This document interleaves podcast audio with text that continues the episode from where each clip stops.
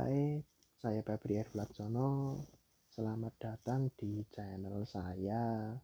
Channel yang membahas tentang macam-macam. Eh, mohon maaf ini rekamnya sambil tiduran, mungkin suaranya agak serak-serak. Tapi nggak masalah, yang penting esensinya tercapai. Jadi pada kesempatan ini saya akan bercerita tentang bagaimana proses mem membeli tanah. Nah, tanah itu suatu komoditas ya, suatu barang yang sekarang ini benar-benar didambakan lah. Karena ya semakin banyak keluarga, semakin pengen punya rumah, otomatis kan butuh tanah gitu kan. Nah, pada kesempatan ini saya akan bercerita gimana caranya membeli tanah yang aman. Kenapa kok aman? Karena kadang orang beli tanah itu suka ngasal gitu loh. Tidak diperhatikan keamanannya, tidak diperhatikan tetek bengeknya sehingga akhirnya ketipu. Karena beli tanah itu tidak seperti beli gorengan.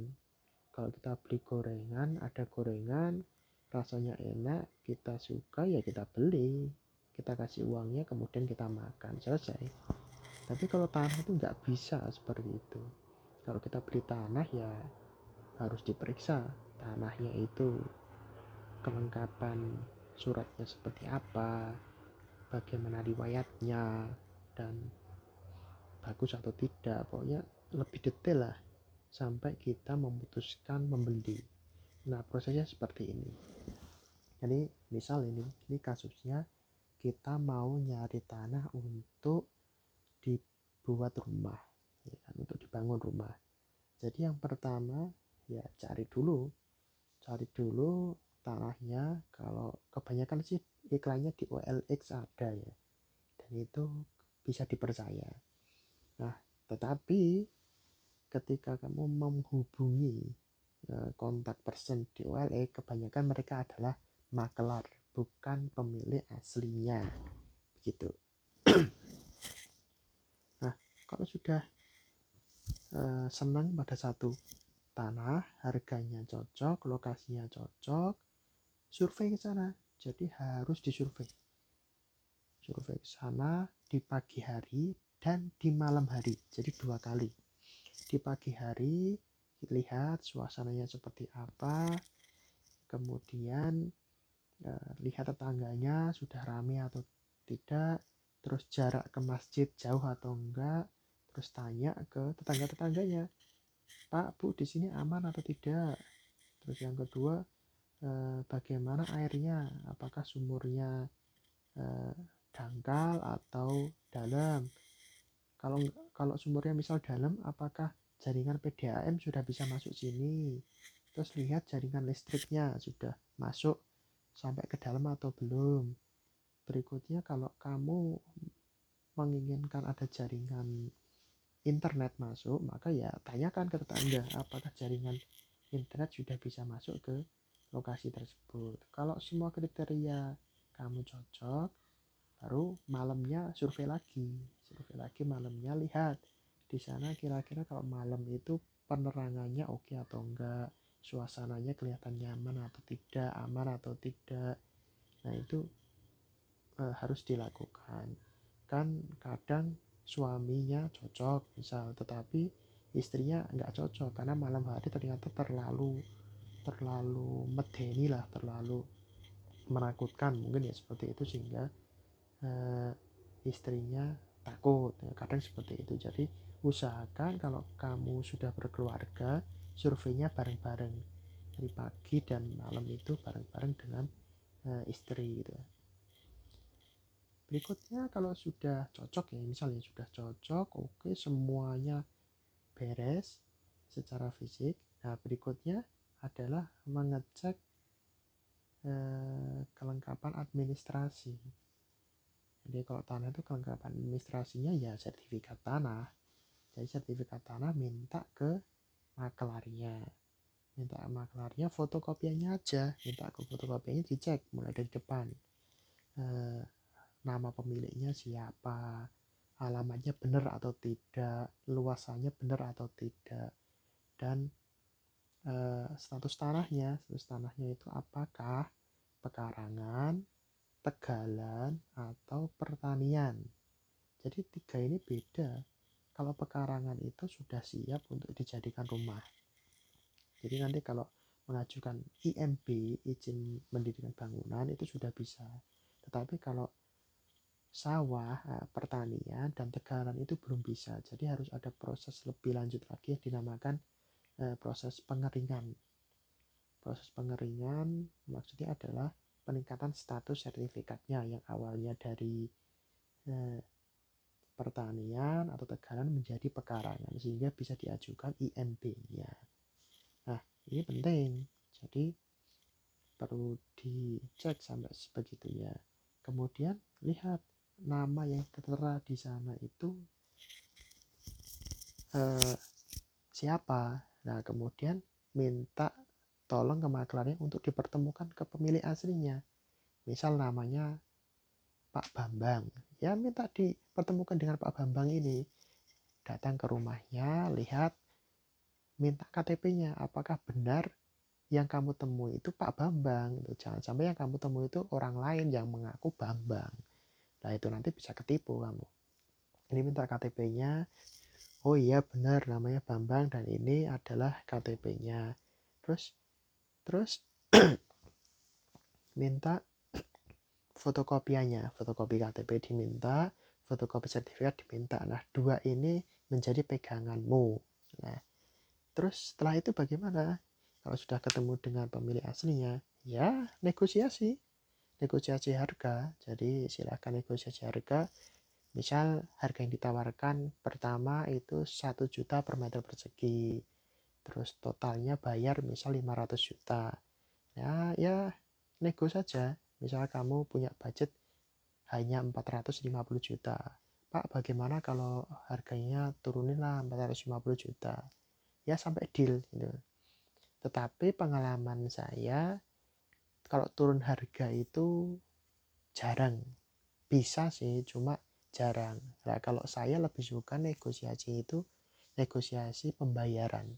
Jadi misal harga 500 juta ya sudah tetap 500 juta nggak usah ditawar tapi negosiasi pembayaran. Misal Pak, saya ingin ada termin pembayaran jadi tidak langsung sekali cash saya ingin pertama DP-nya 10% dulu.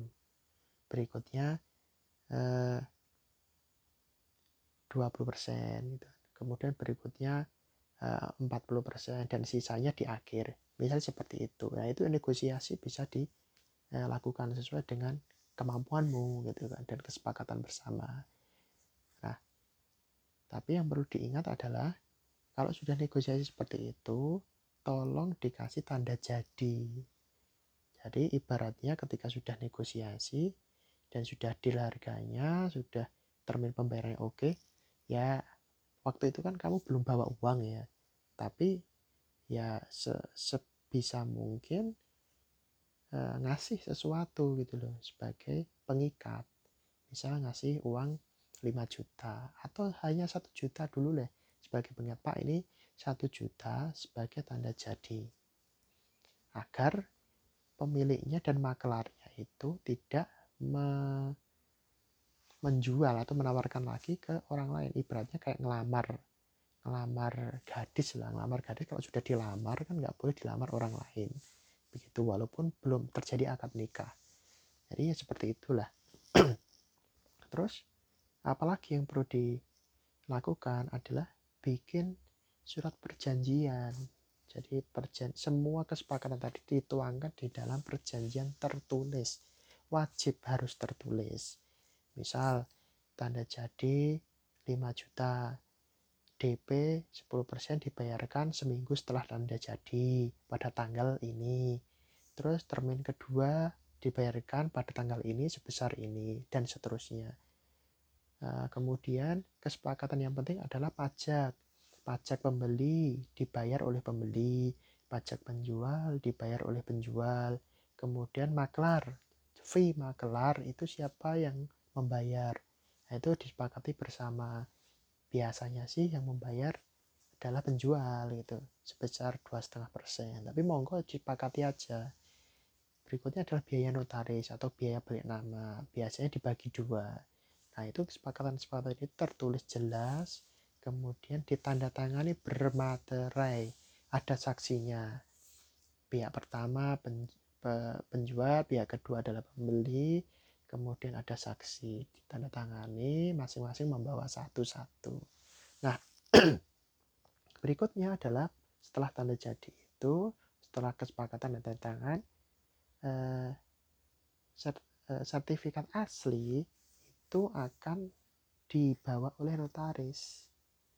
Jadi kalian menyepakati saja notarisnya siapa, misal punya kenalan, baik orangnya, yus ini aja notarisnya pak, gitu. bareng-bareng ke notaris menyerahkan sertifikat asli untuk divalidasi di BPN. Ini proses yang harus disadari bersama. Kadang penjualnya itu uh, ragu kan oh ini nanti kayak kalau sertifikatnya tak kasih nanti uh, hilang gitu enggak kalau sertifikatnya sudah dikasihkan notaris ya notarisnya akan menjamin tidak akan hilang tidak akan diselewengkan lah itu jadi setelah proses validasi nanti keluar. Validasi bahwa sertifikat ini aman tidak dalam sengketa tidak ada kopiannya lah. Akan kadang ada kasus-kasus sertifikat double gitu. jadi sudah aman. Nah ketika aman ini nah monggo dilanjutkan proses akad. Akad jual beli gitu, di depan notaris atau AJB lah istilahnya. Di depan notaris. Tetapi ketika AJB itu semuanya harus sudah eh, lunas. Jadi tanahnya sudah harus lunas. Lunasi dulu semuanya ada bukti kwitansinya kemudian ke notaris akan ada AJB dengan beberapa pasal-pasal dari notaris nanti akan dibacakan. Setelah itu tanda tangan oke sudah. Prosesnya eh, akan dilanjutkan oleh notaris balik nama mungkin nanti beberapa minggu ke depan sertifikatnya sudah jadi sudah balik nama atas nama pemilik eh, berikutnya pemilik uh, pembeli. Nah, begitu prosesnya yang benar, yang tepat. Jadi kadang di awal itu yang banyak ketipu itu karena di awal eh, begitu mudahnya pembeli itu melepas uang yang ditemui waktu itu masih makelar kemudian langsung ngasih DP ke makelarnya 10% dari 500 juta 50 juta sudah masuk ke makelar. Nah itu salah. Jangan membayar kecuali ke orang yang berhak. Yang berhak siapa? Ya yang namanya tertulis dalam sertifikat itu. Bukan makelar, bukan siapa pun. Kecuali ada surat kuasa, yakni kuasa jual. Jadi pemilik aslinya mengkuasakan untuk menjual kepada seseorang sudah ada dan itu kuasa jualnya dari notaris ditandatangani. Ya sudah nggak apa-apa. Kadang ada lagi kasus eh, harus turun waris. Jadi nama yang tertera di dalam sertifikat itu sudah meninggal. Nah yang menjual adalah ahli warisnya. Nah itu perlu disadari prosesnya lebih panjang karena jual belinya baru bisa dilaksanakan setelah proses turun waris jadi sertifikat itu sudah diwariskan kepada beberapa anaknya. Kenapa kok lama? Karena anaknya itu semuanya harus bisa didatangkan ke notaris dan tanda tangan. Kadang kan sudah menyebar ke mana-mana, itu sudah ke Jakarta, ke Bandung, ke luar Jawa, bahkan ada yang keluar negeri. Ya itu kan, ya seperti itulah apa prosesnya lebih panjang karena lebih ribet. Jadi informasi tentang sertifikat harus clear di awal. Jangan sampai itu sudah ngasih tanda jadi sudah ngasih DP ternyata sertifikatnya belum ada. Wujud fisiknya belum ada. Ternyata digadaikan. Ya ada yang seperti itu. Bahkan ada teman saya yang eh, dijanjikan dia beli tanah itu ke developer ternyata belum pecah. Nah mending kalau belum pecah ini ternyata tanahnya itu belum lunas. Jadi developernya beli ke orang lain belum lunas. Sebelum lunas tapi sudah dijual ke orang lain. Sudah dijual dalam bentuk kafling kafling ya ternyata developernya lari. Nah itu lebih gawat lagi. Maka kalau beli tanah diperhatikan bukti fisiknya jangan hanya dilihat eh, oh tanahnya enak lokasinya oke jangan hanya itu tetapi bukti fisiknya. Jadi sertifikat itu benar-benar harus ada. Nah, minimal sertifikatnya tahulah pernah lihat dan pernah lihat sertifikat aslinya. Itu yang paling penting. Ya mungkin ini yang bisa saya sharingkan. Kalau ada pertanyaan diskusi monggo ditulis di kolom komentar atau bisa menghubungi saya oke assalamualaikum warahmatullahi wabarakatuh